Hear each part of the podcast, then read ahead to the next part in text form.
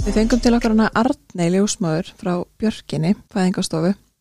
Já, hún kíkti til okkur í spjall. Ótrúlega gaman að fá að heyra um heimafæðingar og fæðingar utan spítala. Já, Okkur finnst líklegt að hlustundum okkar, eða hlustundir séu forvitnir um þessu löti. já. Þannig að hún svaraði nokkur spurningum sem við höfum. Mjög upplýsandi viðtal. Já, samanlega því. Mm -hmm. Og hún var viðstöðt fæðinguna hjá Jasoni, sinni mínum. Akkurat. hún Arnei og hún Rafnildur sem er hérna meðeigandi hennar á björkinni hún tók á mótunum þannig að það er eiga svona sérstakann staði í mínu hjörta Já. þessar konur sko þannig að það var ekstra gaman að fá hana til okkur í settið og ég hitt hana nú bara aftur í februar sko Já, vonandi, ekki, ekki langt í það. akkurat Hún svaraði hana mörgum spurningum. já, Ég veit að margir eru forvötnir um, um heimafæðingar og mhm, þetta er búið að vera aukast mikið í COVID. já mjög mikið Já. Og margir skeftískir á þetta líka. mm Bara hvað örgið og hvort þetta sé kannski ábyrðalust og svo leysna. Við förum alveg yfir í þessa hluti. Hún Já. svarar þessu mjög vel. já, og ég mæli með því að hlusta á þáttin ef þið eru í þessum huglengum og langar að vita meira Já, en Ja. styrtaraðalar þáttarins Mhm. eru húsgagnarheimilið. já, Við kíktum þangað í dag. Við brunum þangað í dag og það kom nú eitthvað með mér heim. Mhm. Mm. Ég kefti mér hérna matarstól, evolú.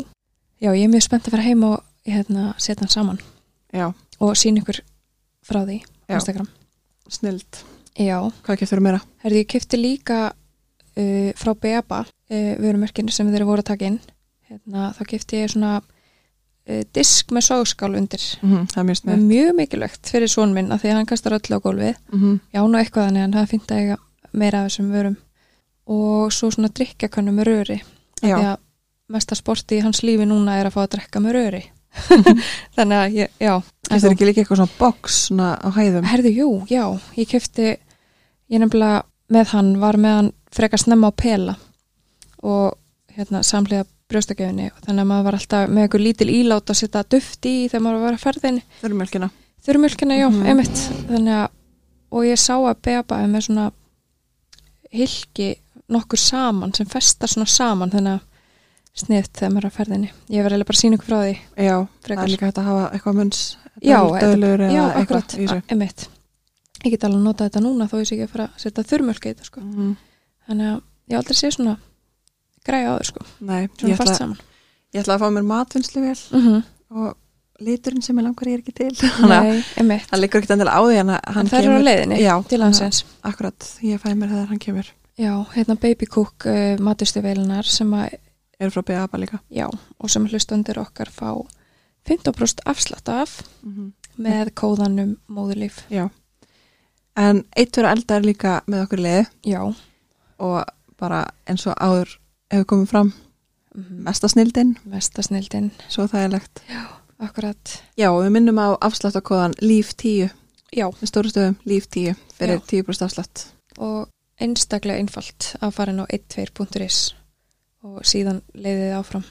Þetta er búin að panta fyrir næstu ykkur. Herru, nei, ég er bara ekkert búin að því. Já, Það er best að Ma- vera, drífið því. já, maður þarf semst að vera búin að panta fyrir 50 dag. Já. Þannig, að- og það er ótrúlega þægild að ferð inn á síðuna og það kemur hnappur sem stendur panta núna. Það getur að sé svona niðurtalningu. Já. að sölu líkur á þessum matapakka eftir einn dag, Mm -hmm. tvo klukkutíma og 20 mínútur, skilur. Mhm. Þannig að maður getur alltaf að segja hvort maður sé að ná sérst, fyrir næstu viku. Algjörlega. Yes, en ef við ekki bara heyra í henni Arnei, ljósmáður. Jú, gerum það.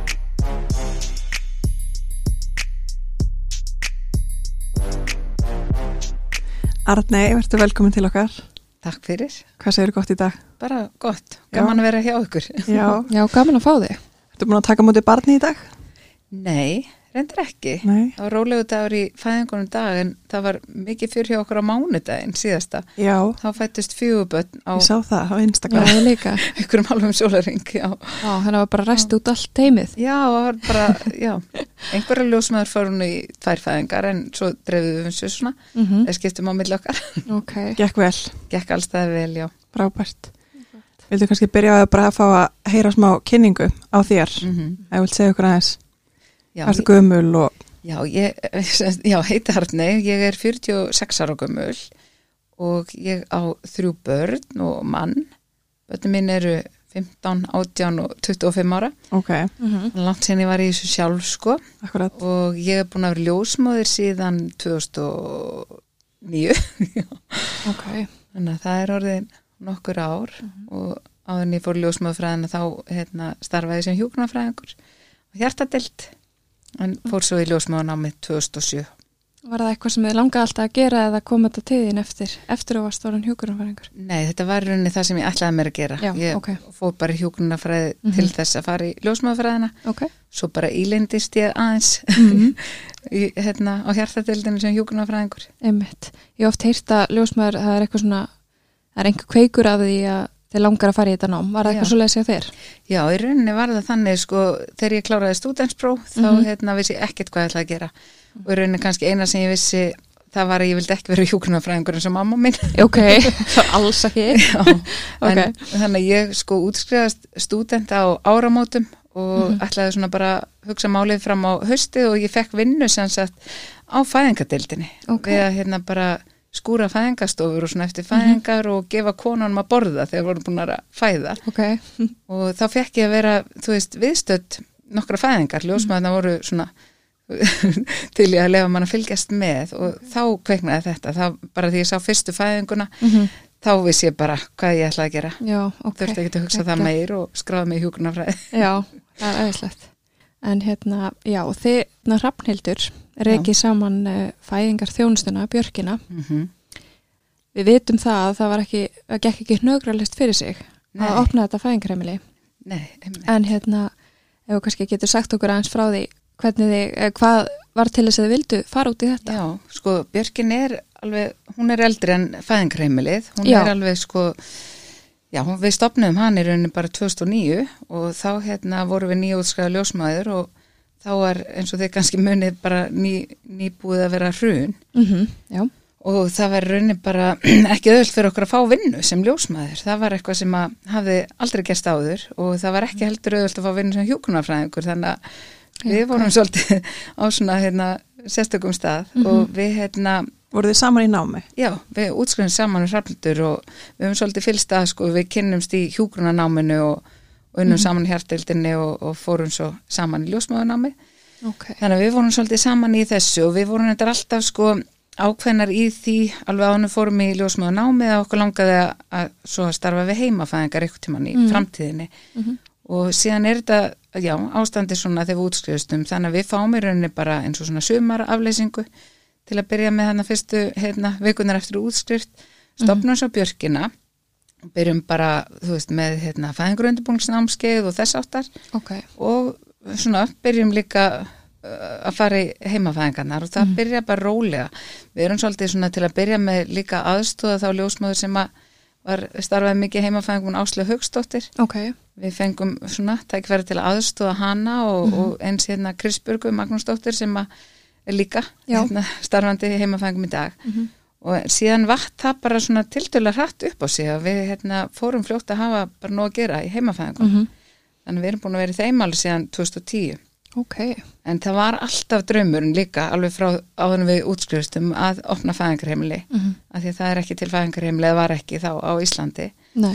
og hérna við ge- höfum alveg gert tilraun til þess hérna svona ykkur tíman á þessum árum Mhm. eins og tvisvar allan og verið komna svona stað með alveg hugmynd og reynda hérna komaðum eitthvað áleiðis Mm -hmm. en alltaf strandað einhver staðar þetta er svona að því að Já. mitt flóki ferli Já. síðan hérna 2015 þá eru við bara færtuar og þá hugsaðu bara ok, nú þurfum við bara að bretta bermar að gera þetta mm -hmm.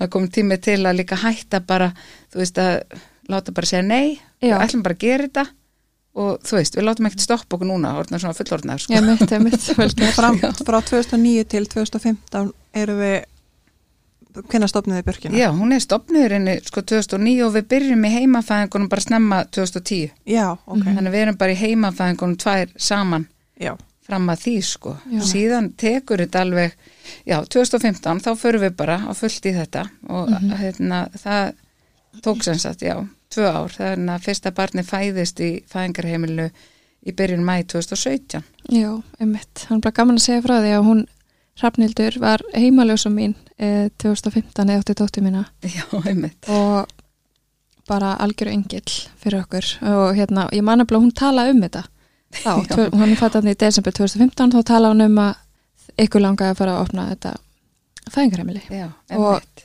og ég bara, já, ekkert pælt ekki því og svo bara sá ég henni held í fréttunum eða eitthvað getur ekki verið Jú, þannig að það var svo gaman að fylgjast með ykkur ná þessu markmiði síðan Já. hann að 2017 emmitt, og ég hugsaði strax bara ef ég verð ófrísk aftur þá langar mér að fara til ykkar akkurat. sem ég svo gerði núna Já. í fyrra Það var náttúrulega bæðið, sko, þurftum við að fjármagna þetta já, og gerðum það í rauninni, hérna, við fengum sem sagt lán hjá, það heitir Svanni mm sem að er, hérna, s- lánar sem sagt konum í atvinnurekstri.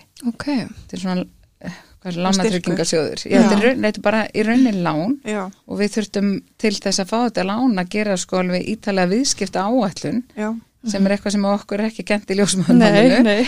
en, en við höfum klóruðum okkur út úr því og fengum þetta lán og það er svona kom okkur af stað og síðan hérna fengum við líka ótrúlega mikið stuðning bæði sko e- eitt af því sem við gerum líka var að fara í Karolinafönd já, einmitt það var pínum sérstakt líka því yfirleitt er, er þar verið kannski þú ert með vöru já, og fólk fær vöruna en, þannig, að- en okkur tókst það samt að hérna, sapna alveg velin í Karolinumfönd upp í hérna, fæðingastofuna einmitt og fengum með þar bara miklu betri viðbröð en við hefum þórað að vona og þ- því fylgir að maður þarf að fara svolítið í fjölmiðlana já, nákvæmlega við vorum í já, útvarsviðtölum, blaðaviðtölum og sjónvarpinu einmitt, ég man Voru- eftir því sko.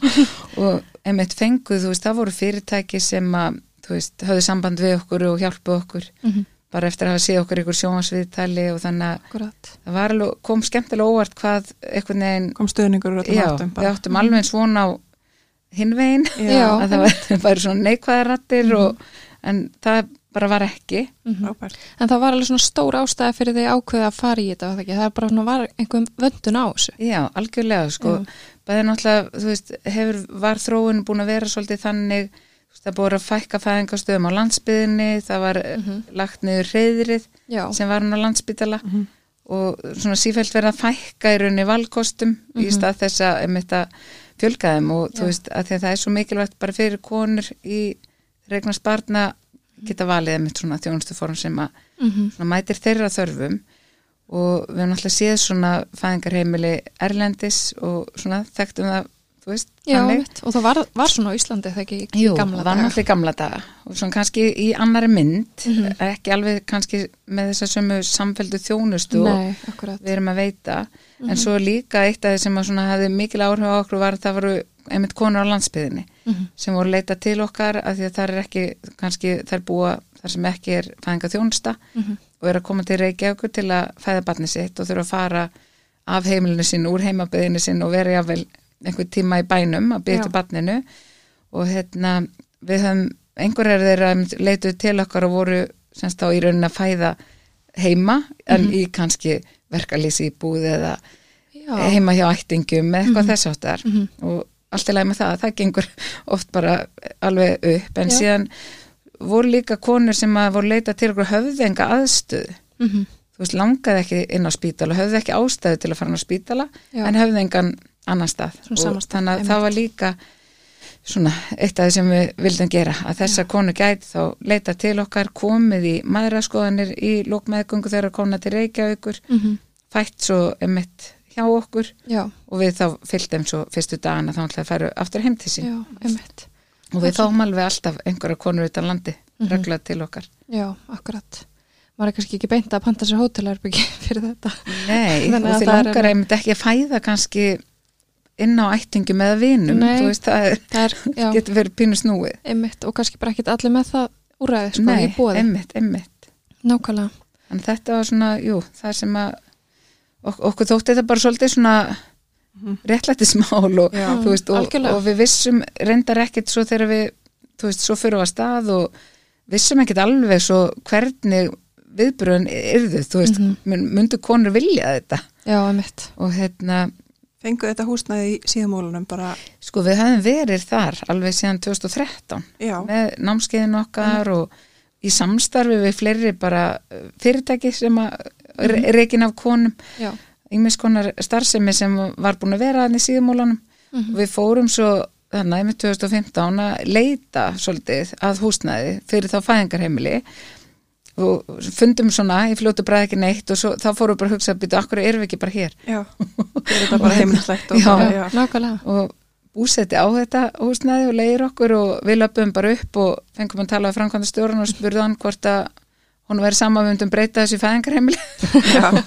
og hann var bara, fannst það bara frábær hugmynd Já. og þannig að við höfum bara haft það mjög gott Mhm. þar og þetta er góð staðsetning já, og hérna hvað er þið með mörg fæðingarherbyggi? Við erum sko, já eins og staðan er í dag þá erum við með eitt svona alveg fullbúið fæðingarherbergi Já, og við erum með annað svona lítið herbergi sem að er svona aukaherbergi og við höfum alveg notað að nokkuð börn fæst þar en síðan erum við að undirbúa núna í rauninni og það er búið að teikna semst fyrir okkur og við erum að fara að búa til aðra fæðingarstofu í húsnæðinu ok bara inn í salnum okkar verður rauninni það verður tekið af því rými og hérna Mm. bara búin til fæðingastofa þannig að þá verðum við með tvær alveg fullbúnar fæðingastofur og svo þá bara auka herbergi fyrir maður að skoðanir og bara við töl og hvað sem að annars sem að er í gangi hjá okkur já, Gekja. verður þetta tilbúið í februar og ég, ég vildi ekki að þetta sagt já ég en er að djóka við náttúrulega vorum að draumurinn var og planið Mhm. mm. að þú veist klára þetta bara á þessu ári já, en uh, svo emitt, við vorum kannski búin að gleyma því svolítið hvað svona ferli tekur Mhm. tíma Akkurat. Mhm. bara þú veist að fá samþyktar tekningar og fá byggingalíf, það þarf allt Já. svo leiðis fyrir þó þessi ekki kannski mikla breytingar en auðvitað er Nei. þetta breytingar þannig það er að alltaf einhverju vekkir sem maður þarf að uh, já, læsa á við erum sko. í því ferli Já. og þú veist, svona erum ekki eh, já, ekki byrjuð en, mm -mm. en, en gamla stóðan verður alveg fín og klár í februar Já, ef að þessi frábært. verður ekki tilbúin annars bara fer ég í fjórða og fæ að prófa nýju stofuna en svo veit maður ekki, svo Nei, maður veit kannski aldrei. gengur þetta rætt, menn Já. það er nú bara óttubir nákvæmlega hvað er þið margar að starfa sem starfi hjá börginni? Nú erum við átta, Já, þannig að þegar fæðingar heimilið opnaði, hann í mæ 2017, já, þá vorum við sex og hérna síðan bættu við sjöndi ljósmöðun við bara síðasta haust og svo vorum við að bæta við áttundu núna. sunnu Já, Sunna kom inn Já, þar. einmitt. Sunna var með mig í maður að vendi upphæða með einhvern veginn núna sko. Já, ok, Ég já, lét mig vita strax að hún væri að fara yfir til ykkar já, einmitt. Ég bara, já, hún er frábær Já, ég veit það, hún er vonandi Mm, Hún er bara komin til að vera sko, Já. ég held það. Ég sá líka, voruð þið ekki að bæta við ykkur uh, ljósmaður sem eru líka brjóstakjafa Jú. ráðgjafar? Nú er sko, það er ein ljósmöður hjá okkur, hún Hildur, hún er brjóstakjafa ráðgjafi Mhm. og svo er komin önnur, emitt, hún Þórun, til Já. okkar líka og þær eru alveg komnar á fullt í, í þetta saman. Mhm. Ok. Þær eru báðar, hérna, því að kannski myndist ekki á það í byrjun að, að Björkin var ekki í byrjun bara við Hraldur, heldur Nei. var í rauninni allt, hérna, hollið okkar, hollið er ljósmaðurhópun sem útskrifast saman Já, við í rauninni stopnum þetta fyrirtæki uppálega bara saman ok, og svona það var ekkert að kannski alveg ráðið hvað þetta fyrirtæki kemur til með að Nei, gera, nei. þú veist námskeið voru svona bara fyrsta dagskrá og þórunum mitt var mikið með okkur þannig alveg framan af að hérna, búa til námskeiðin og, ok, og, og hildu líka þannig að þær eru svolítið svona komna tilbaka Mhm. í björkina geggja. eftir smá fjárveru Já, akkurat, það er frábært. og þetta Hvernig- er gaman Hvernig eru vaktinnar ykkar? Hvernig skiptið þið ykkur Já. niður? Og, Þetta er sko, við erum tvö teimi, þannig að það eru fjórar og fjórar ljósmaður í, í teimi ok, og við erum, þetta er svona, já, þetta er mjög sérstakt vattakerfi Já. fyrir fólk sem þekkir ekki en, en kannski aðalega svona,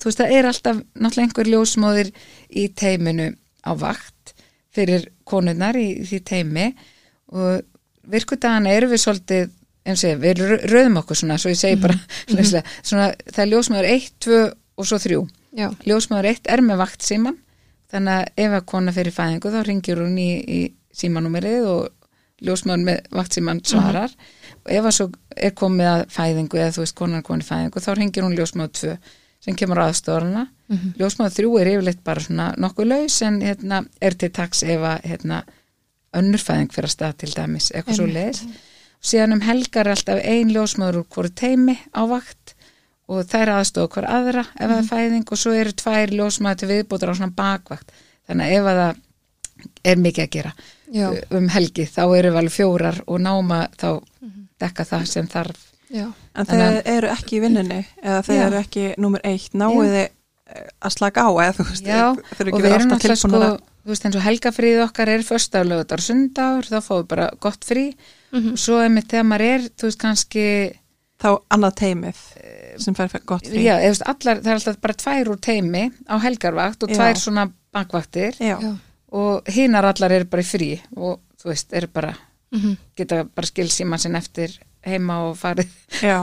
hversu það vilja þannig að jú, við náum því alveg og við erum alltaf, þetta er svolítið svona þú veist, eins og í dag ég er með vaktsíman, það er enginn búin að ringja það er allt bara rólegt, þá bara gerir maður það sem að maður venjulega myndi gera Mhm. og menna ef síminn ringir, að þá bara ringir hann og, og svo kemur bara ljós hvað verður Mhm. þannig en við skiptum svolítið á og það er svolítið gott að þú veist, vera sko ekki alltaf svo sem er með síman Þú veist, Einmitt. að hann ringir kannski á nóttunni eða þú veist, Já. það er Já. símtal á nóttunni þannig að nú er Getur ég ekki með farið í síman sund í einu nótt sinni. já, Já. svo er ykkur önnum með að næstu nótt Já. jú, við förum alveg í sund þú veist, þá látum við bara næstu ljósma að vita sem bara ég ætla að skreppi klukti með sund er til að passa síman á meðan Ok. Já. og menna við förum út að hlaupa og við förum, þú veist litlar stuttar fjallgöngur og bara þú veist, maður svolítið heldur bara þú veist, mm bara eins og það sem hún venlega myndi gera Já. En- Dreifið bara svona svolítið álæðinu. já, já, og maður, og maður er alltaf tilbúin alltaf bara ef að kona ringir og Já.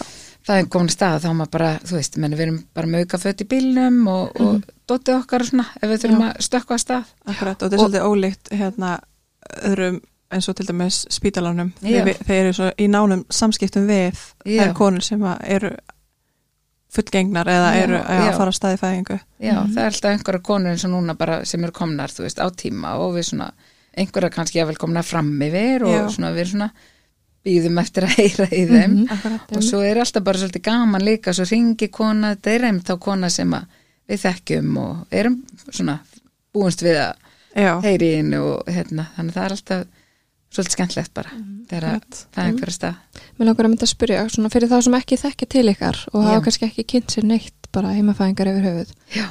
eða fæðingu í björkinni. Um, getur sagt okkur aðeins frá bara hvernig þessi þjónusta virkar? Hvernig er þessi samfella sem þið Mhm. bjóðu upp á? sko, fóreldrarnir hafa fyrst bara samband við okkur, bara hvena sem er á meðgöngunni í rauninni Mhm. og hérna, já, ef þau hafa áhuga á að kynna sér annarkvort heimafæðingu eða fæðingu í björkinni Já. og við bjóðum þeim, við miðum við að þær sé samt komnar 20 vikur þegar við bjóðum þeim svo í viðtal Mhm.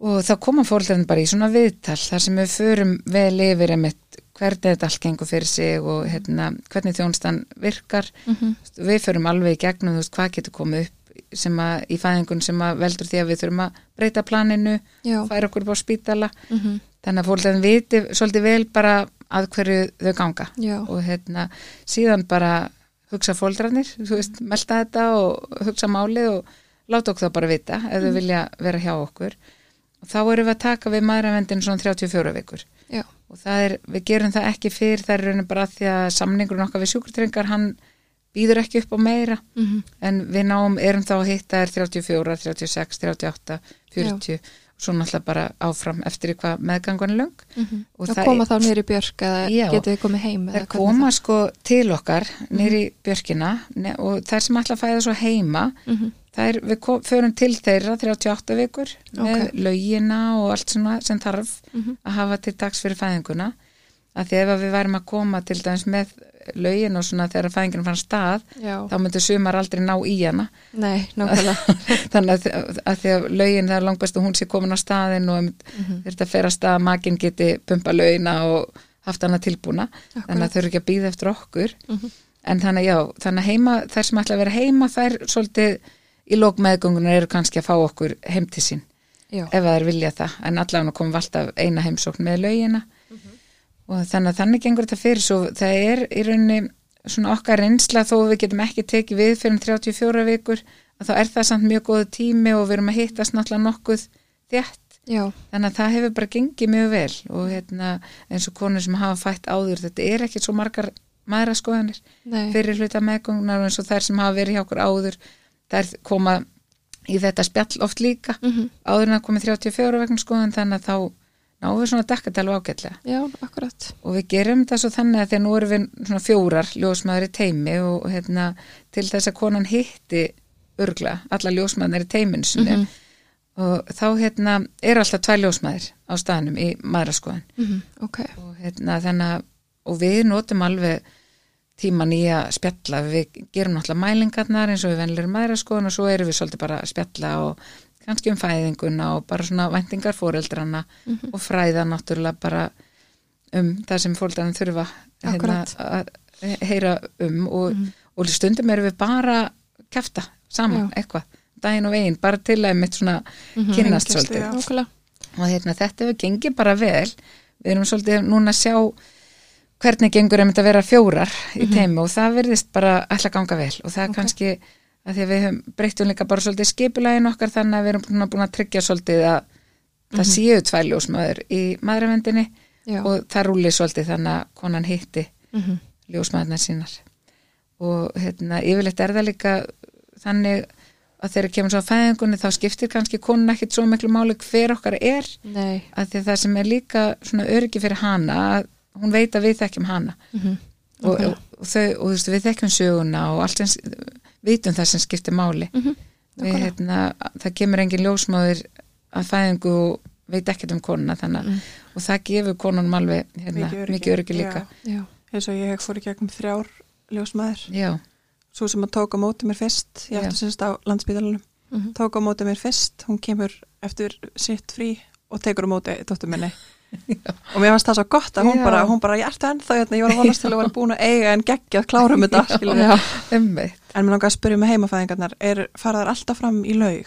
nei, Nei, sko langflesta konar vilja hafa laug bara eh, til að hafa þann kost á verkastillingu akkurat og alveg meiri hluti notar lögina á einhverjum tímapunkti í fæðingunni Já, Uh, það er alveg svolítið stór hluti sem fæðir í vatninu hugsa að sé sko það var tekið saman nýlega uh, það var hérna í mastersverkefni tekið saman útkoman í björkinni Já. þar var sko 50% vassfæðingar ég, það er eitthvað meira í heimafæðingunum og hérna, ég er ekki alveg með það í kollinum Gæt, eh, 60% mjög líklega sko Ok, vá. þannig að og það er einmitt, það er mikið Mhm. og eins og þetta 50% hjá okkur í börkinni það er mm, langmesta á landinu, það er engin fæðingastaði með svona hátlut allar vassfæðinga og svo sem gerði þetta verkefni hún, Stefania Margersdóttir heitir hún Já. hún vildi meina að það væri, þú veist, þó viðar væri leita sko alveg,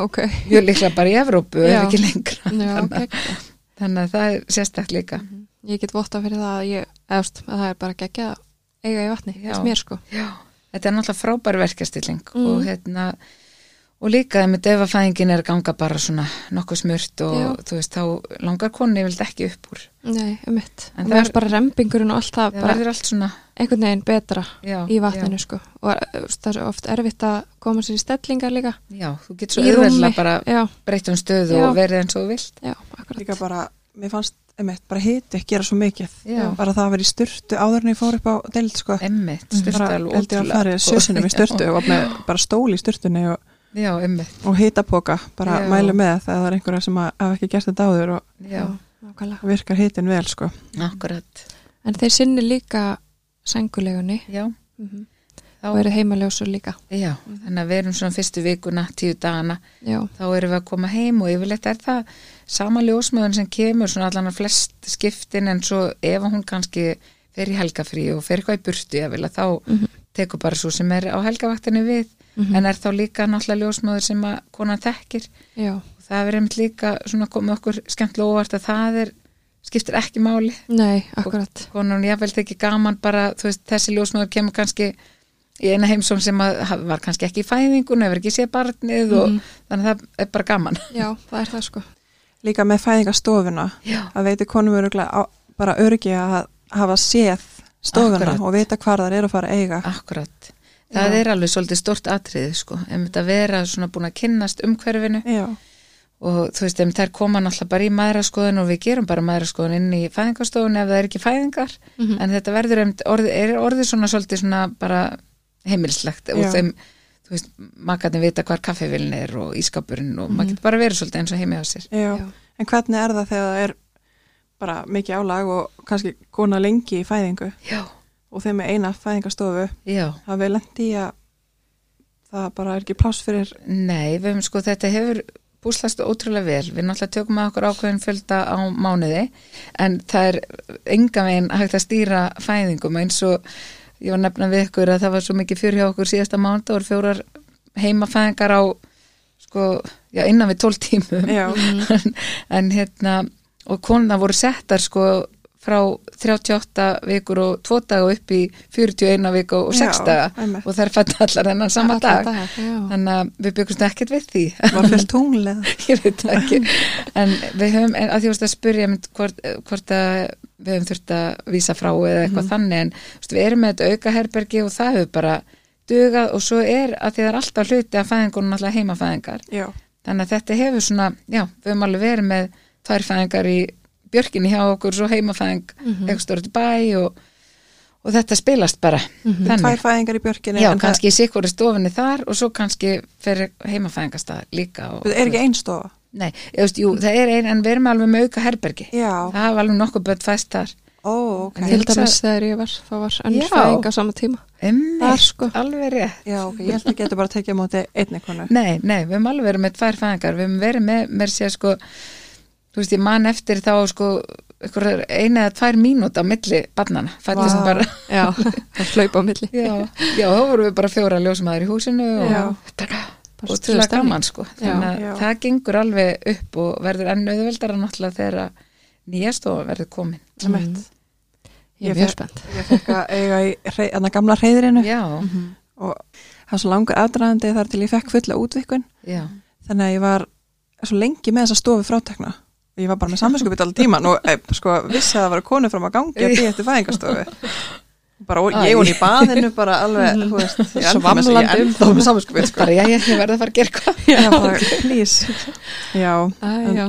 það var frábær stofa Mm. og svo núna finnst mér einmitt bara, ég væri til að vita bara, að ég fengi þessa stofa aftur. Já, bara stofuna þína. Mm. En Já. það er bara svo, að, ég skil alveg konur að vilja eiga, það er svona, það er svona öryggi í að vita hvað Já, það er að fara að eiga, Já, það er það. í hvað umhverfi. Já, Já, Algjörlega.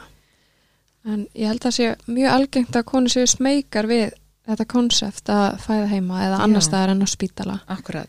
Hver er svona þín reynsla af því? Að, Já, þetta er náttúrulega oft bara svolítið framandi hugmynd Já. eða fyrir marga og, og náttúrulega bara báða fóreldra oft, oft kannski ekki síður með hérna makana mm Mhm, -hmm, alveg fáum oft til okkar konur sem eru búin að kynna sér vel heimafæðingu eða björkina mm og, hérna, en makarnir eru mjög efins já. og það er náttúrulega bara mjög eðlilegt þú veist, við erum bara svo vön því mhm, og að, já, fæðingar eigi sér lang oftast aðeins á spítala já.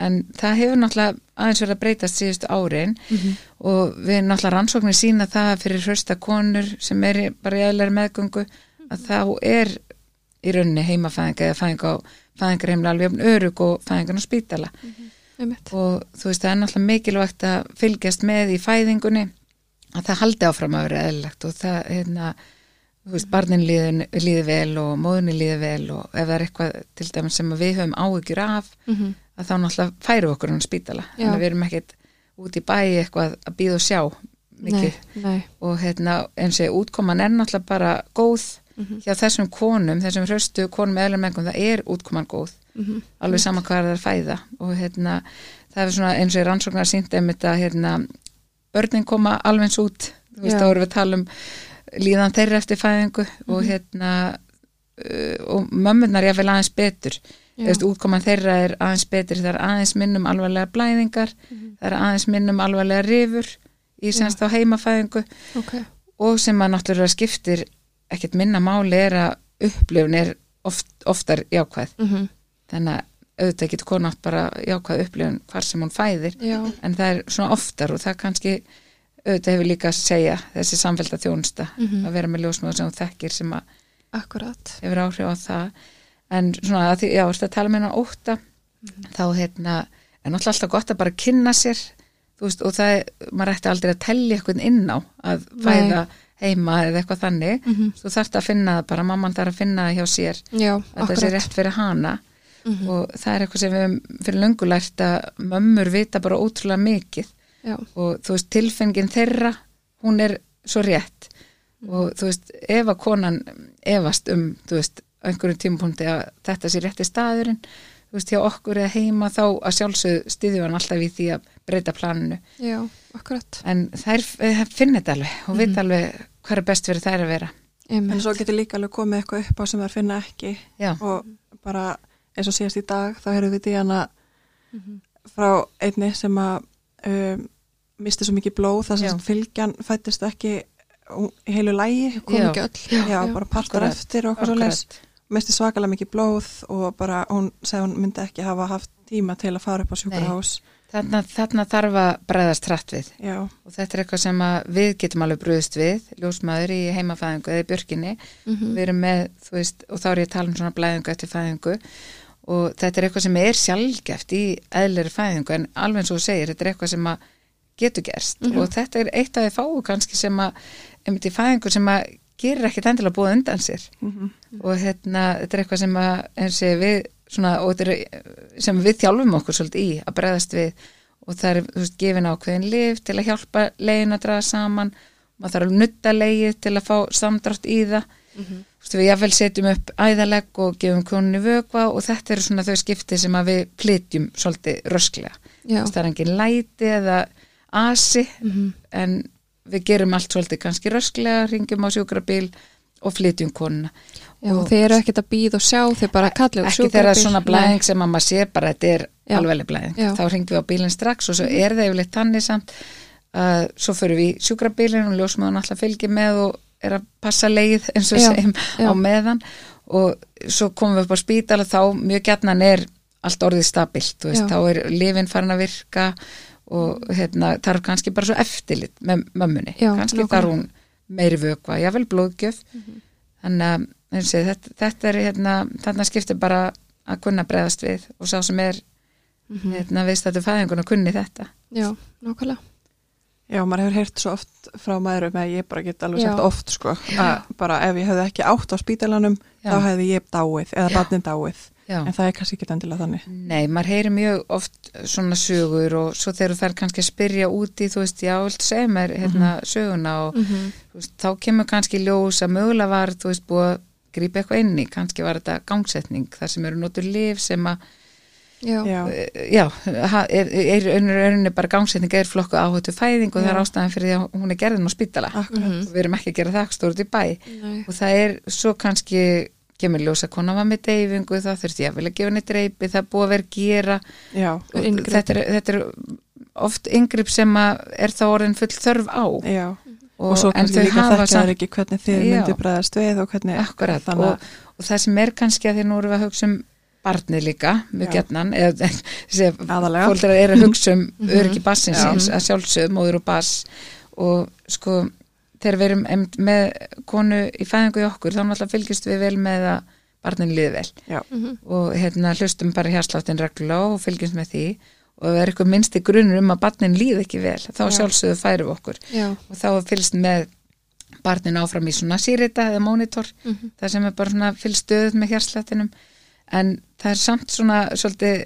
gott að vita að þegar nú er þetta orðið, orðið hvað sko það er háttið 300 börn sem hafa fæðst hjá okkur inn í björkinni og náttúrulega miklu fleiri fæðingar sem hafa byrjað þar, nú er ekki eins og Já. með tölni kollinum, það Já. er einhver hundruð og náttúrulega í heimafæðingur líka þetta er orðið allan að við tókum nögt hann nýla saman, ég held sér orðið upp undir sko þúsund fæðingar þá heimafæðingarnar sem við haldur að verið í frá, alveg frá byrjun Mhm. og svo náttúrulega eftir að við urðum fleiri allar þessar fæðingar að þá hérna, það er bara rosalega sjálfgeft að við sem að flytja að við höfum Já. einhver ágra barninu já, og þessar fæðingar sem að ég hef verið í ég get eiginlega sagt ykkur að þessi, þessi og þessi og þetta var svona, svona, svona Já. að þetta er svo sjaldan Já. og mjög oft hefur það verið þannig að svo var bara allt í lagi já, en við, Bara var náttúrulega- var.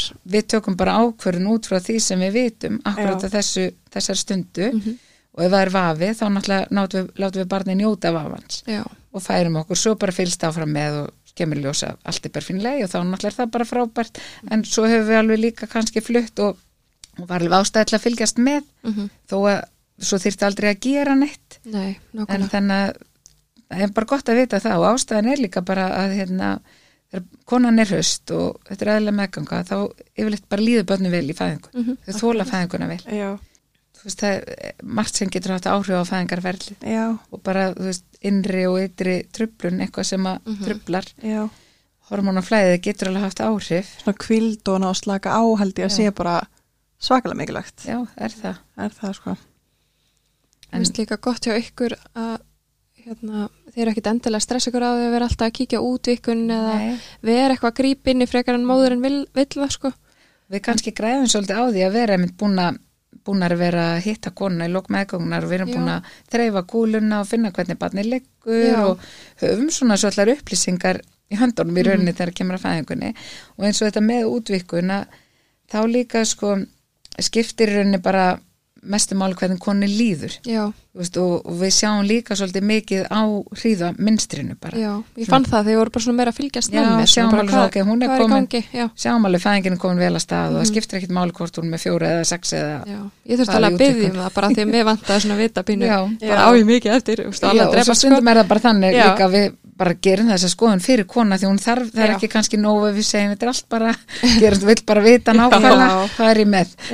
Já, ég er mitt spurði mína og hún sagði við mig að ég væri með fjóra og Já. ég var með, fyrir fjórum tímum var ég með sex og ég bara, ha, bara, hvað er það að segja? og tengda maður mín eitthvað fyrir yfir fæðinga skjörna skýsluna Já. og hún bara, já, það er rétt hjá henni, það er rétt hjá henni, það var sex þarna, ég bara, ég gleymi ekki hvað Nei, hvað ég ekki stönd, sko, séns, já, maður gleymir því fjórum sko tímum síðan bara, en það er nefnilega svo sko e, þú veist, maður getur séð svo mikið á koninu bara Já. hvernig Já. eh, sk- henni líður, hvernig hún, ef maður getur sagt hegðar sér, eða þú veist, hvernig hún mm. skilur, Já. bara hljóðin sem hún gerir hún hefur bara séð að Nærðu ég væri ekkert samband. að fara að stað og var ekkert að Já, en þá stressa sig. er maður svona, þú veist, við erum svona yfirleitt nokkuð vissar um svona hvar konan er Mhm. stödd Já, og hérna, ef að hún er ekkit að spá í þessa útvikun sjálf, þú veist, það er oft þannig að við skoðum aldrei já, eða tekkum aldrei á útvikun og svo bara fer ekstristingurinn og svo þarf hún að rembast og, og akkurat svo kemur badnið. Mm. Já, Einmitt. Þetta er alveg svona eins og fyrir konu að gera þetta í fyrsta skipti Já, og maður, úst, vá hvað ég upplifið mikla verki já, en guðmur góður núna veit ég hversu mikli verkinni verða þegar að þú, barnið er að koma sko. já, Já. þannig að úst, mað, ég hefða svona tilfinningunni núna hvar ég muni svona vera meira með þetta um hvar ég er stödd í fæðingunni Mhm. já, maður átta sig kannski nei, Þú veist, bara, En svo er það líka samt svo merkilegt með einmitt batn nummið tvö því að það Já. getur verið svo óbúslega mikil munur Já. á fyrstu annar fæðingu. Já, ok, já. Þannig að það getur alveg stundum, hérna, er konu komnar miklu lengra en það halda já, og átta sig, þú veist, Já, kannski sent á því já hvað eru nákvæmlega. konar langt í fæðingu. akkurat Maður er líka fljótur að gleyma þessu Já. sko Sem Svo kemur betur fer. svona tímapunkt sem bara, æjá, Já, svona er þetta. hvað er ég að gera? Og þá ertu kannski komin bara svolítið langt samt. já, Já, já nákvæmlega Þegar þetta er svo svo tilfinn misjafnt. kemur. sumar konur geta ekki talað heil lengi bara úr verkjum og menn Já. aðrar eru bara En það skiptir bara svo miklu mála þegar hún tala um þessa, svona, þessa innri skoðanir um at og útvikuna, þú veist, ef ástæði til að gera hana, Mhm. að þú veist, bara gera það varlega og hérna, svona, í, Já, bara samvinni við móðurina þannig að það sé ekki óþægilegt Mhm. Mhm. og þetta á ekki að vera óþægilegt, eða þú veist, þetta er kannski óþægilegt en þetta á ekki að vera sárt. Nei, og ekki þannig að þetta trubli það mikið ferli Nei. þú veist, að svona sláum mann út af læginu einhvern veginn, þú veist Nei, og konan ræður þessu náttúrulega. Já, einmitt, ef að ljósmaðurinn vil meta útvikun konan vil það ekki að þá getur hún alltaf náttúrulega spurt bara, þú veist, þarf það eða, þú veist, Já. ef, að- kannski hefur ljósmaðurinn einhverja mjög góða ástæðu einmitt, en þá getur hún líka bara útskýrt það Já. og konan þá ákveði hvort að einmitt, hún sé sammála einmitt. nákvæmlega. svo þegar búið að eiga mm. barni þá eins og allan er neyður á spítala þá fa- er farið hérna niður á hvað er þetta, sengurkvæmnadeild Já, Mhm.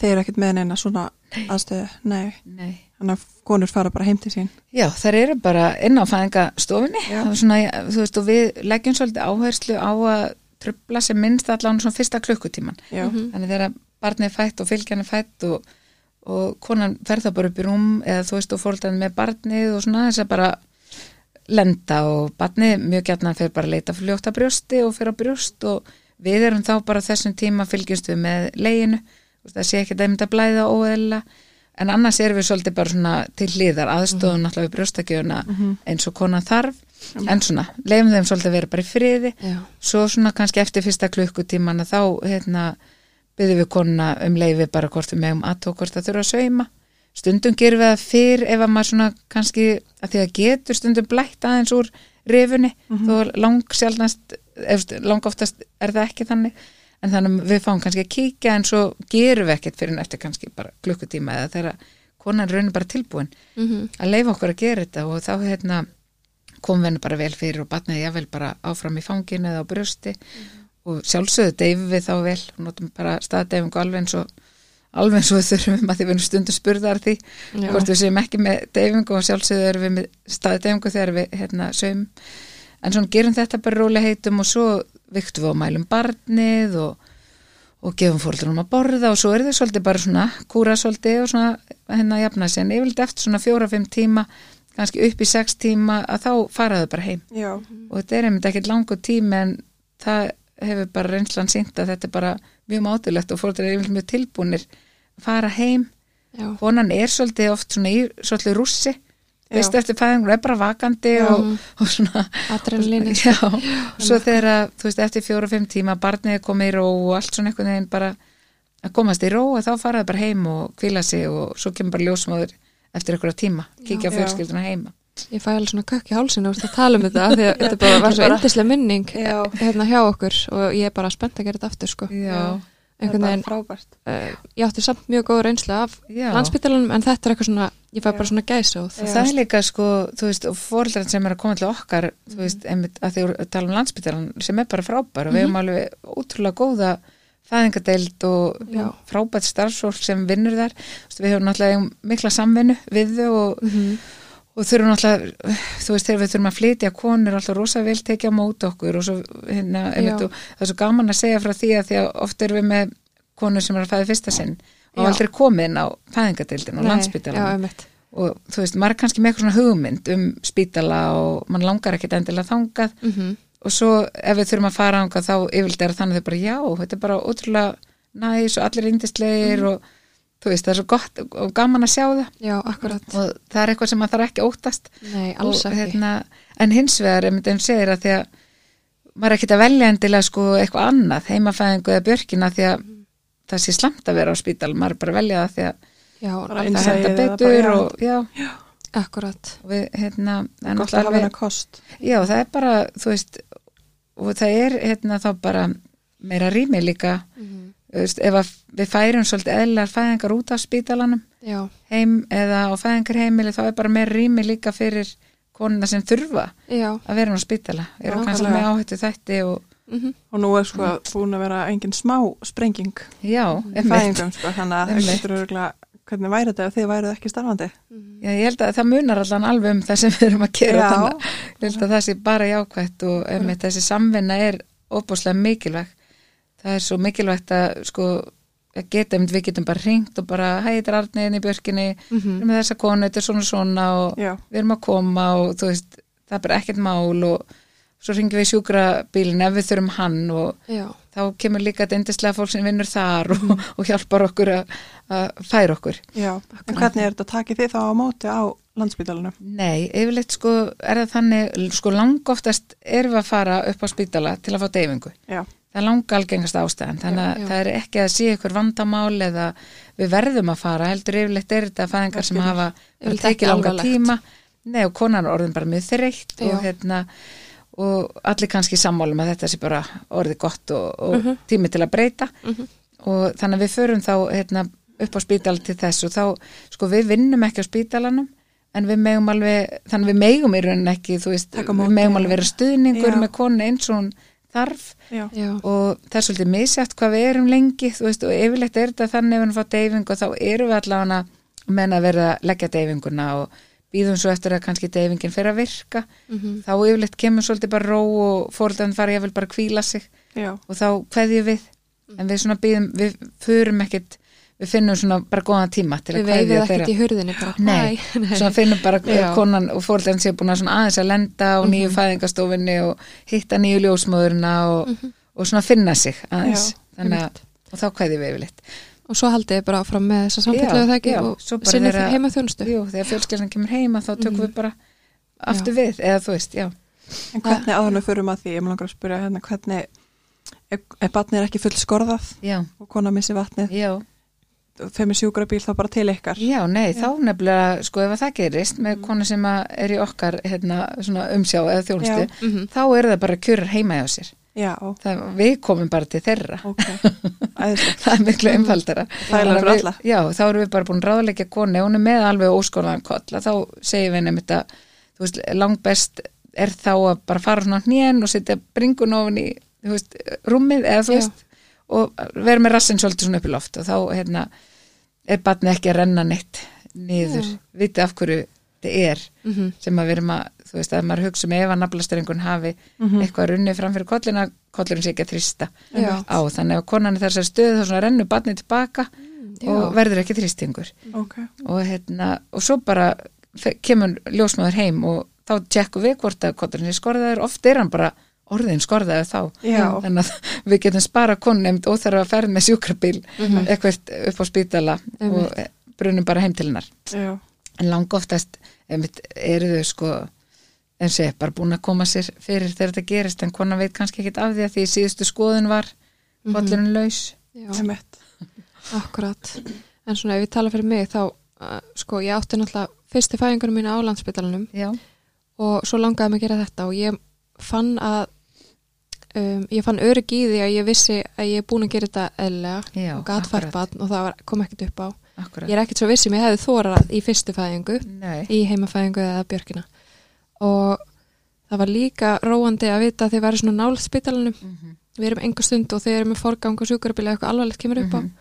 um, þetta er í Og- rauninni örugara heldur en að einmitt að eiga í, Já. bara til dæmis eins og að byrja kepla eitthvað eiga HSS, Mhm. að þú ert fljótari upp á og spítalega nú er það bara mjög örugt um þetta ljósmaðnar þar alveg eins og við vinna náttúrulega þú veist, erum með þetta og fylgjast með og greina Mhm. Já. hvort að, já, þurfi að flytjast en jú, það er styttri bílferð Mhm. það er, það er, það er ekki, ekki löngleið úr síðumólanum inn á landspítala nákvæmlega, þannig að bílferðin er vilt ekki mjög erfið heldur þetta er bara, Já. þú veist, hún er stutt nákvæmlega og við rættum þetta ég og maðurum minn, og við erum svona sammála um þessa hluti Já. að þetta seldi okkur það að- að koma í björkina sko. Já. hann var svona aðeins uh, rættar en ég við Já. þetta sko.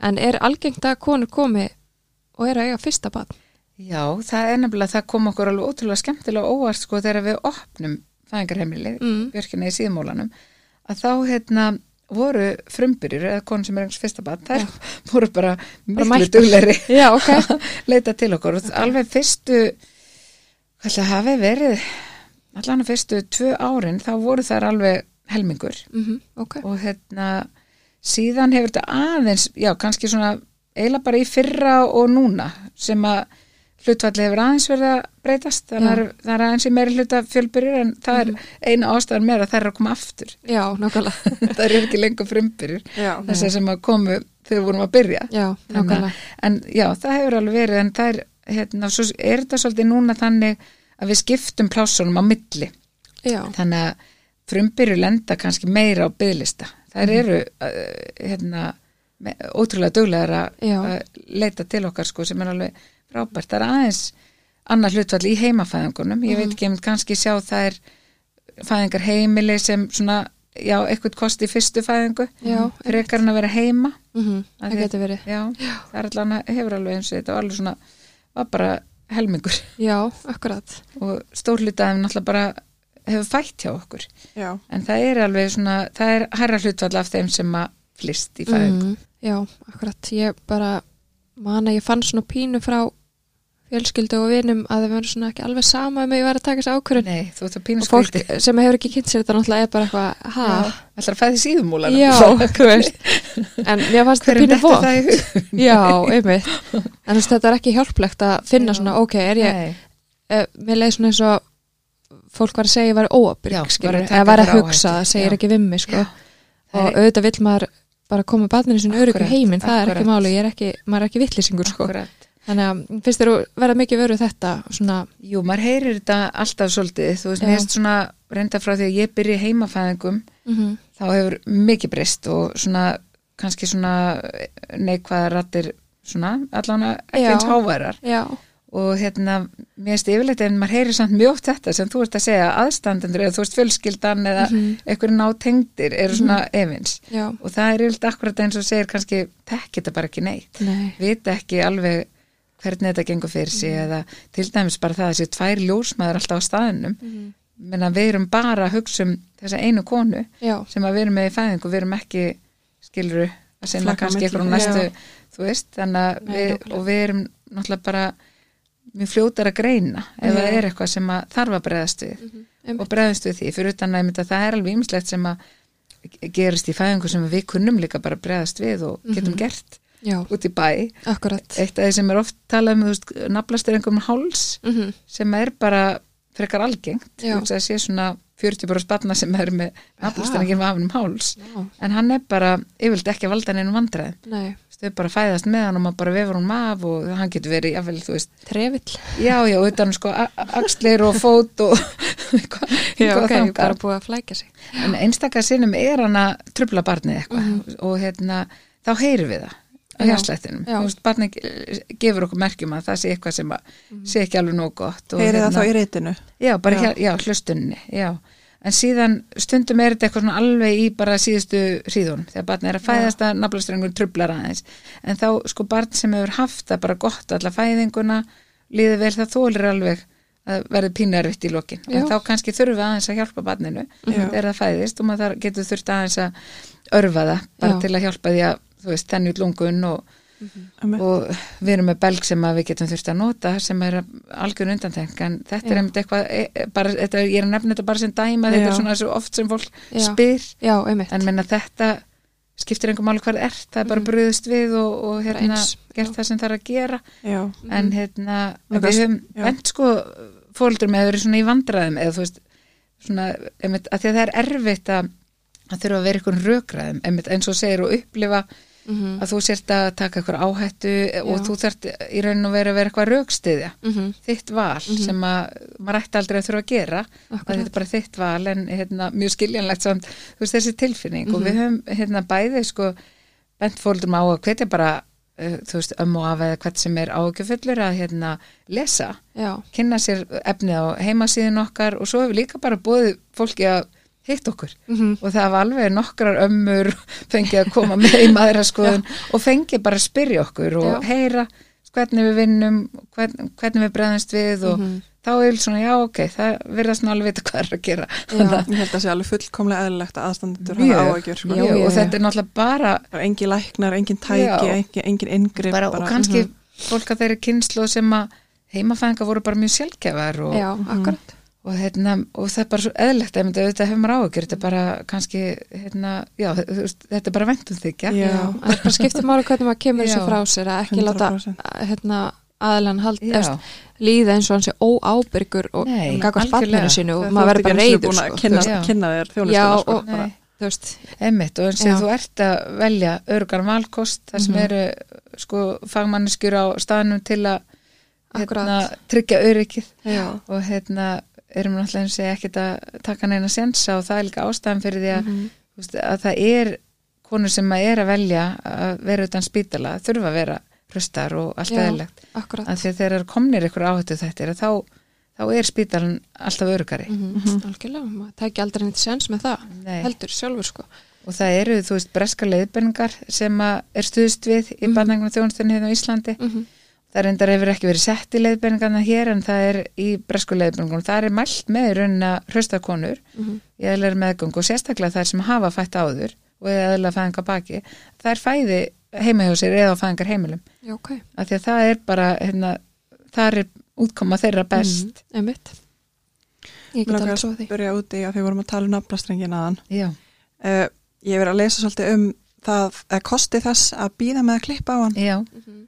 uh, býði þið eitthvað Já, einhvern við- X tíma Við býðum bara, sko, mjög oft klippum við ekkert á hann fyrir hann bara fylgja hann fætt. já, en við býðum allan alveg þess að fyrstu mínútur þá er bara slátturinn er hættur Mhm. maður sér náttúrulega þegar barnið er nýfætt að þá er hann bara svona æðarna fullar og hann er bara svona feitur og Já. hérna, þykkur strengur og svo verður hann bara svona hvítur og þunnur og þú sér það að hann er bara búin Búinn að að tæma tæmast. sig já, og fórðarinn ráður svo svolítið bara já, Þú veist, þannig að þá spyrjum við hvort þau vilji hérna, skilja á milli eða eins og oft fæðist bara fylgjan og, og þá skiljum við á milli já. já, nákvæmlega en hverjir eru kostinir það er, sko þetta er blóð sem barnin er ætlað, þú veist, Já. það er blóð, eh, svona sláttur í strengnum, barnin fær þarna, smá blóð hérna á þessum fyrstu mínútum og þetta er eitthvað sem var kannski bara ekki vitað áður og var verið að skilja snemma á milli Já. þetta er núna orðið eitthvað sem er bara allstaða gert já, Svo maður sér í Rallstað- bíómyndunum bara batni kemur út og hafa klikt bara um Já. leið Já. sko. já, og pappi með skærun og loftið Já,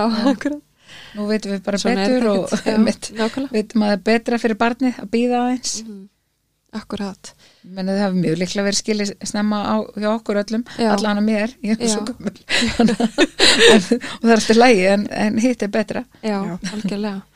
En við hérna spurðum hlustundur okkar hvað þeim langaði að vita um Já. heimafæðingar og það kom upp hérna spurningir um hvort það væri hægt að fá gladloft.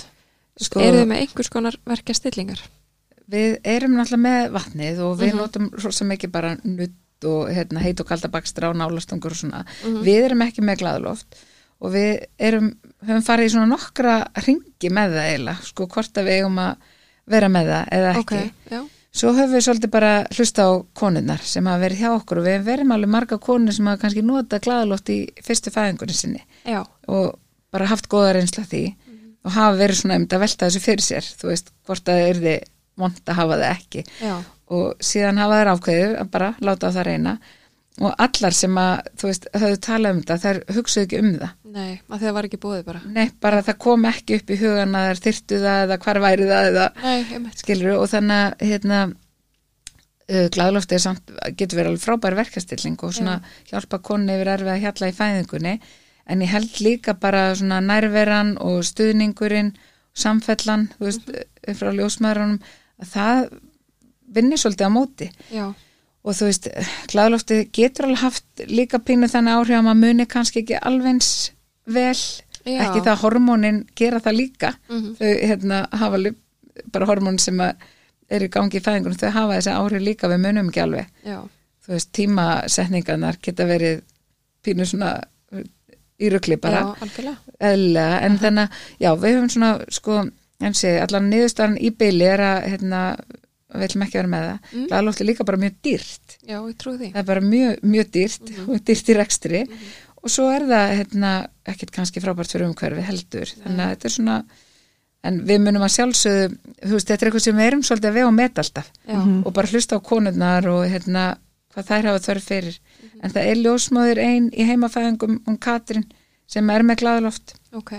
þannig að hún hefur eitthvað verið, e, já, verið að nota það í eitthvað tíma Já. þannig að þetta er eitthvað sem við svolítið svona bara Mhm. við um og Spekular í. metum Já, einmitt. Var ekki bara hægt að kaupa þetta?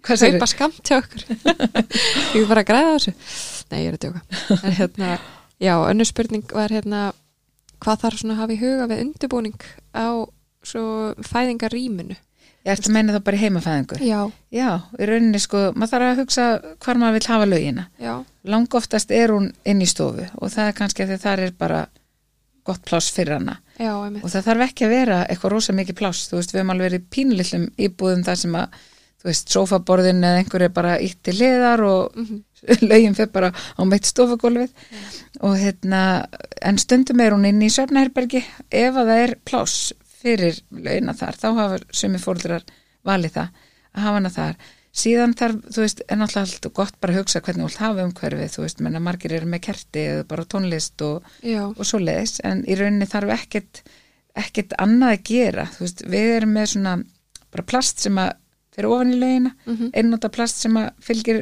fæðingalöginni, síðan þarf bara að vera með nokkur hangklæði, þú veist, Já. þegar konan bara fara upp úr og, og svo leiðis Mhm.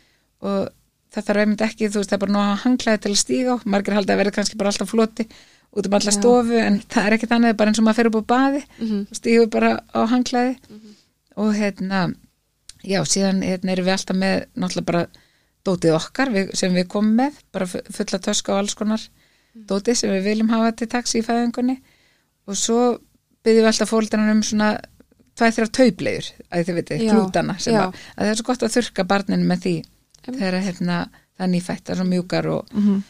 og góðar og svo, já, raun er það bara það sem þarf sem undirbúning fyrir heimafæðingu já, ég sá líka að var listi á heimasíðan ykkar Já, yfir þetta, þessa hluti já, emmitt og það eru eitthvað um bara gott eða kannski verketöflur, stípuna fenn og bandi, leftifæðinguna eitthvað gott að borða, Já. þú veist, og eitthvað svoleiðis. Mhm. Já, skúra gólfi, neðu Ég, það er nefnilega svo skemmtilegt. Það, það, það kemur endar ofta alveg svolítið mikil reyðurgerð í, Já.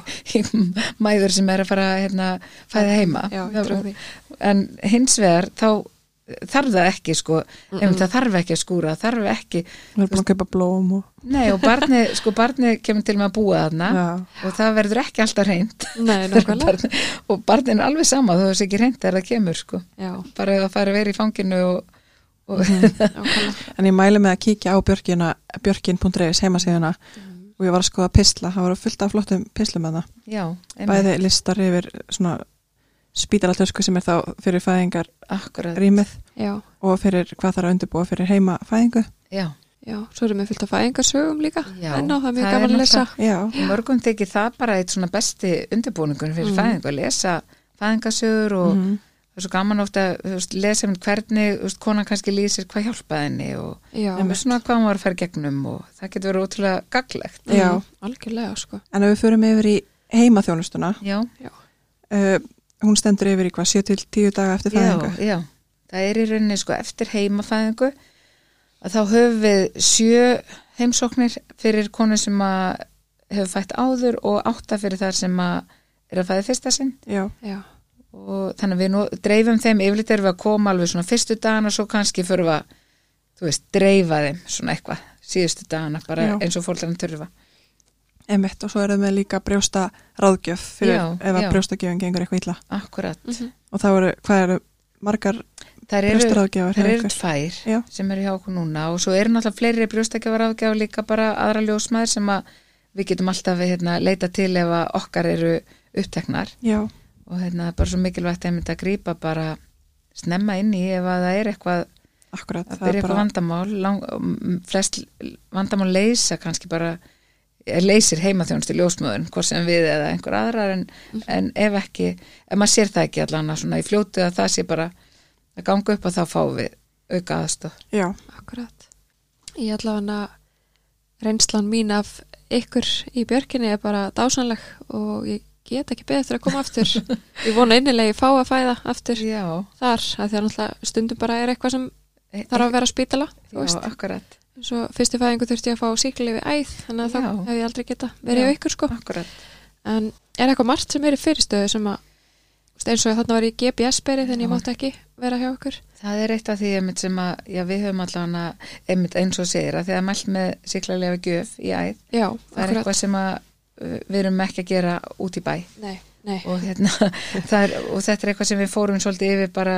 hérna, þegar að fæðingarheimili opnaði bara með fæðingarlegnum já, uh, og ástæðan fyrir því að maður vill ekki kannski gefa síklarlif í æð uh, út í bæ er að það er alltaf pínu möguleiki á svona ofnæmi, ofnæmis já, viðbragði. einmitt þannig að þá Betra að vera hann já, þannig að Já, þess vegna gerum við það ekki en þannig að þetta, það er, já, konur sem greinast með GPS á meðgungunni, það er já, fæða þau upp á spítala og það er mælt með því að ef að kona einmitt er með fyrir sög að, að það sé tjekka já, einmitt Og það hérna, var gert sko. já, akkurat, en líkurnar eru hagstæðar einmitt mm þannig að en svo er það sko það sem að kannski helst kemur upp svona eh, konur sem hafa, er komnar til okkar Já, á meðgöngu að það er ha- hækkaður blóþrýstingur já, ok og það er alls ekkit oft en það er svona eitt af því sem að kannski helst kemur upp Já, en er það þá oft kannski meðgöngu eitrun eða? Það getur verið byrjun á meðgöngu eitrun Já. eða jáfnvel bara verður meðgöngu eitrun Já. eða bara svona háþrýstingur í lokin. Mhm. Þannig að en þá er mælt með náttúrulega fí- eh, fæðing á spítala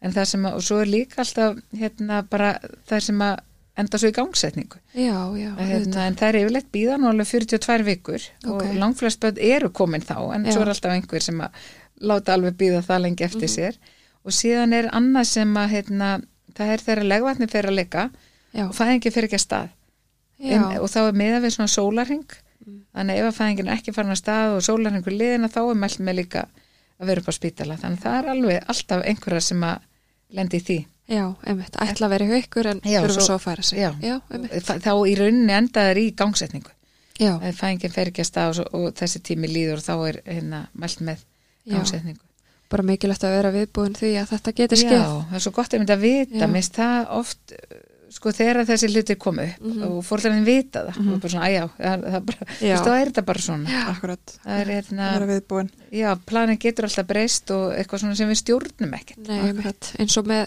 eh, barnum með tvör hjá mér þá náttúrulega var það þurfti ég að vita hvort ég er í GPS byrja Já, aftur, Já, þannig ég akkurat. var allan tíman með þangtil í fyrir þetta stróka Já, emmitt. með uh, báðar hugmyndir í huga þú veist, Já. annarkvæmst verður þetta björkin eða Já. spítalinn Já, ekki bara fókus á að ég sé að koma til Nei, ykkar og svo akkúrat. verða fyrir því líka vombröðum sko. já. Það er voru Þannig gott að- að vera bara, um, þú veist, opin og eins og ég stundum er bara ákvörðun tekin fyrir mann. Þú Já, veist, ef, að, algjörlega. ef að ekkert er og engir átt þetta, þá höfum við val.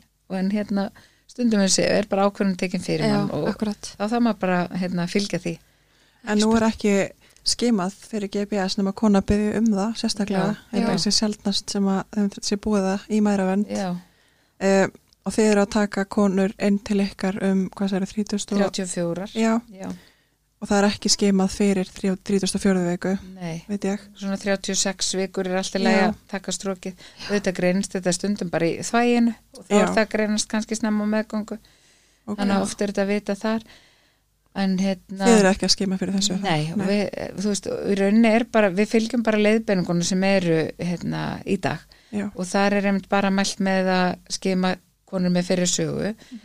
og þú veist, svo náttúrulega er se- eins og að því, þetta getur verið náttúrulega enginn löst og er mjög gætnan en eitt enginn er samt hérna e, samdrættir já, og náttúrulega er hérna, GPS svona áhættu þáttur fyrir fyrirburafæðingu þannig að ef að kona er GPS berið þá er alveg hérna, aukna líkur á fyrirburafæðingu þannig að oft greinst þetta þá Já, eða já. kemur ljós já, og það er líka ástæðan fyrir það er alltaf gefin síklarlif ef að barn er að fæðast fyrir tíman og náttúrulega ef að kona er kannski með mikla samdrætti fyrir tíman og þá er hérna kannski skimað og tekka hvort að það sé ástæðan en síðan er það sem við gerum alltaf og ekkert bara við það sem að það er alltaf náttúrulega fylgst, við fylgjumst vel með börnunum og eins og þær sem fæði okkur þegar fóreldrarnir fara heim með barni eða þegar við förum að heimilinu þá förum við yfir hérna, svona enginni sem eru merkjum sýkingu Já. á nýburanum og það er til dæmis bara hröð öndun hröð öndun er þá meir en 60 sem á mínútu og þá eru þau eru,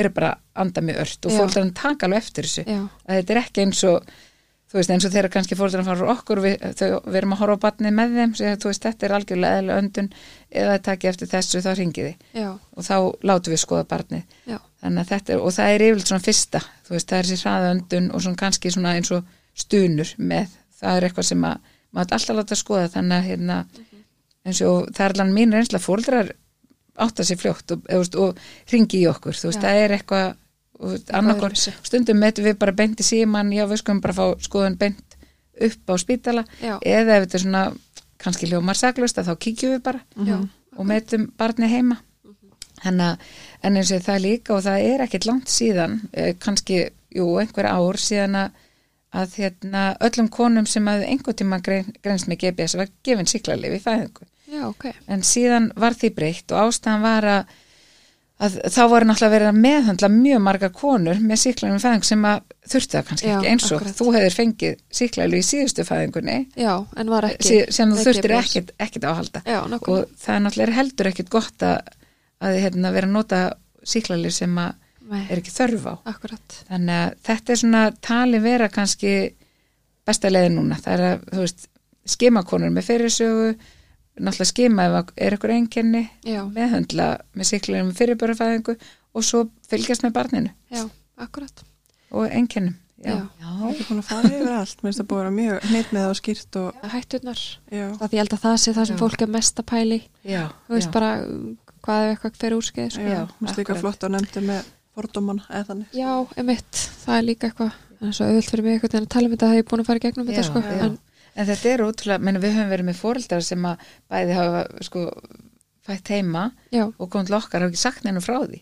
já, ok Þú veist, að því að viss alveg, þú veist, að það er bara vissin. Já, ok, Þú veist, að fjölskyldan er þetta bara, þú veist, ég mann eh, sérstaklega eftir einni hún var frekar ung þá, við nú svo sint hann aftur setna og, Já. en þú veist að þá sög, töluðu þau eitthvað um að þeim langaði að vera heima og það var bara fóreldarinn bara, þú veist, bara nei. já, það kemur ekki til greina og þannig þau bara, já, já, ok við, eh, þú veist, allir maður ekki að gera þetta og töluðu bara ekki um það meir Ég held að Já, það sé ok. bara alltaf mikilvægt að að virða Já. ákvörðun móðurinnar bara, veist, auðvitað tekur mamman ákvörðun sem henn er er bara mjög vel trestandi Já. Ah, til að taka þessi ákverðin Ekki og spurning. enginn sem getur gert það betur en hún Emmett. þannig að það er einmitt, einmitt á báða vegu einmitt að verða, þú veist einmitt, líka virða ágjörnar Já. sko, af því að Já, það er og alltaf aðstæðan velja- velja líka sko, hann að og, Já, hann allan að kynna sér fyrst áður en maður fyrir eitthvað Já. að planta einhverju nei, og einmitt, láta einmitt. manneski líða eins og sé óábyrg Já, og einmitt að konar að fengi heyra það þar sé eitthvað svona fórna, eitthvað öryggi fyrir bara eitthvað að hafa kósi eða já það var náttúrulega alls ekki máli sko.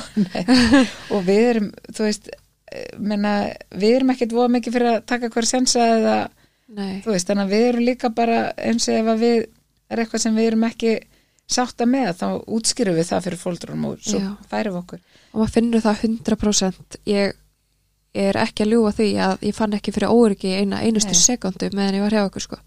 bara ekkert svo er svo skemmtilegt að þið vorum að tala um makana það er svo oft sem að þeir eru bara evins já, og svo eh, koma þær í viðtalið og svona, jú, ok, þetta Mhm. er, þú veist, hljómar allt í lagi og þú veist, þær eru um virðast alveg vera allt í lagi. já, það var gert þetta 500 sem áður en, En okkar. svo Já. eru þeir oft svo mjö, rosalega ánæðir eftir á. já, Já. það var tilfelli hjá mér sko, hér- með Daniel Og sko. það er eiginlega svona, það er skemmtilega þegar þeir, þeir, þeir eru stundum eiginlega, já, meira, sko, Já. þegar þeir eru bara Já. svo ánæðir, sko, en hérna, líka kannski bara létt já, brosa og bæ- kyllir. já, og svo svona- gott að þeir- fá svo tengingu við ykkur líka ljósmaður, þú veist Daniel talar um Rafnildi bara, hún kendi mér að baða barni mitt og við vorum svo bló- blauta baka við eirin og Já. vissum ekki neitt, þú veist að okkur þykir bara ótrúlega væntum hana, Já. af því að hún er bara búin að Þeir eru sinna með þessu ykkur í svona Já. svolítið stórum hlut. já, akkurat, en þeir sko með magana, þú veist, þetta Já. er, þeir líka þeir upplifa kannski þú veist, þeir græða alveg á því að vera búin að einmitt, koma á staðin, hitta ljósmaðunar þú veist, þeir, hérna þeir eru kannski bara svona auðvitað að vera bara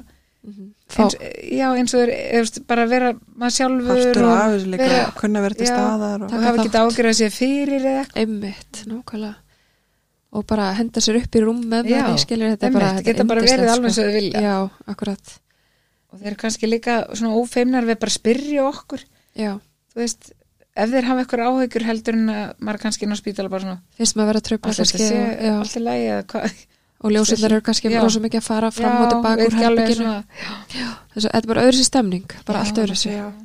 og hérna, en bæði mjög, ég hef góða reynsla á báðum, ég vil taka það fram sko. Já, algjörlega. Það, Það er bara- svo frábært nefnilega. því lík forrættandi ef að búum við, við þetta öryggi Já. hérna á Íslandi já, Svo, þú veist, og við erum til dæmis svo líka fæ- eins og fæðingatilin á Akranesi. já, Það er þó nokkuð konum frá okkur sem að til dæmis hafa þurft að vera í gangsetning sem fara þangað Já. já, já, og eru bara rosalega ánaðir. já. maður hefur hérta því Við höfum, já, bara margt mjög gott. En það er alveg fínt að þið nefndu GPS-ið. já, Já. Það er alltaf verið mjög heit umræða bara Já. núna undarfærið alveg klálega Þannig að- og þetta er eðla, við höfum verið með eh, miklu fleiri konur einmitt bara núna undarfæri sem eru bara óskæftir skimun og færskimun já, já, og bara allir leið með það. bara Þú gott veist, að vera en- upplýstur um þessu hluti Já, ég hef ekki vita neitt nema Nei. ég greinst með þetta, ég Já, veit ekki af hverju mér er akkurat. bóðið þetta á sín tíma, 2015 en hefur það kannski greinst í þvæginu eða var það ekki í hugmynd stróki eitthvað tíman?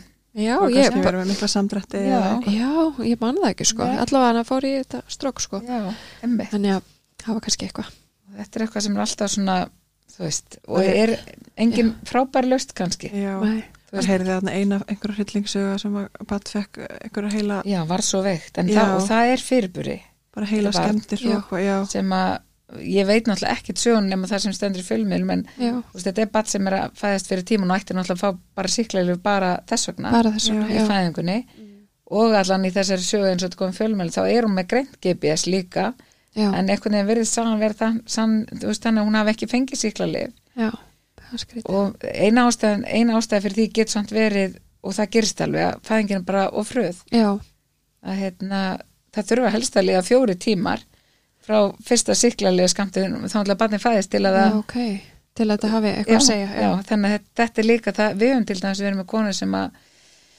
þú veist eh, með bara mjög hraða fæðingar Já. þú veist, þú var bara svona, ég mun ekkert ná þessum síklarlifum, nei, mitt þú veist, ég, á ég að fara að brunum á spítala Já. til að reyna það þarf að setja upp aðaleg, það þarf að gefa lifi það þarf að renna innskilur já, nákvæmlega bara geta alveg sleftið sko, Já. en þá þurfum við náttúrulega eins og ég, við, þetta er algjör undantekning en Já. hérna og við ráðulegjum alltaf konum bara með GPS að- að fara já, einmitt, og eins og nema, einmitt, það, það lendi í því að það er bara hreinlega komast ekki já, þá sjálfsögðu færum við tilnar en hérna, það þær, þær passir vilt bara fara tímalasta já, Já. nákvæmlega en þetta er, þetta er svona bara pínu vand með farið að því að þú veist eins og leiðbæringar hafa breyst og alveg til eins betra eins og það mun betra að vera að skima svona heldur en að eins og er gert núna heldur en að meðhandla bara allar með já, einhverja sögu sko já, En nákvæmlega bara, mér langar bara að þakka þér kærlega fyrir að koma og Já. takk fyrir þessa þjónustu að bjóða upp á þetta að hafa stofnað þetta og, og bara fara í gegnum þetta ferli. Já, Já. takk Komið sér fyrir að í gegn. bjóða mér takk í bara slægin gaman Já. að koma og spjalla við ykkur Já. ég sé þið svo bara í februar Já, takk fyrir að koma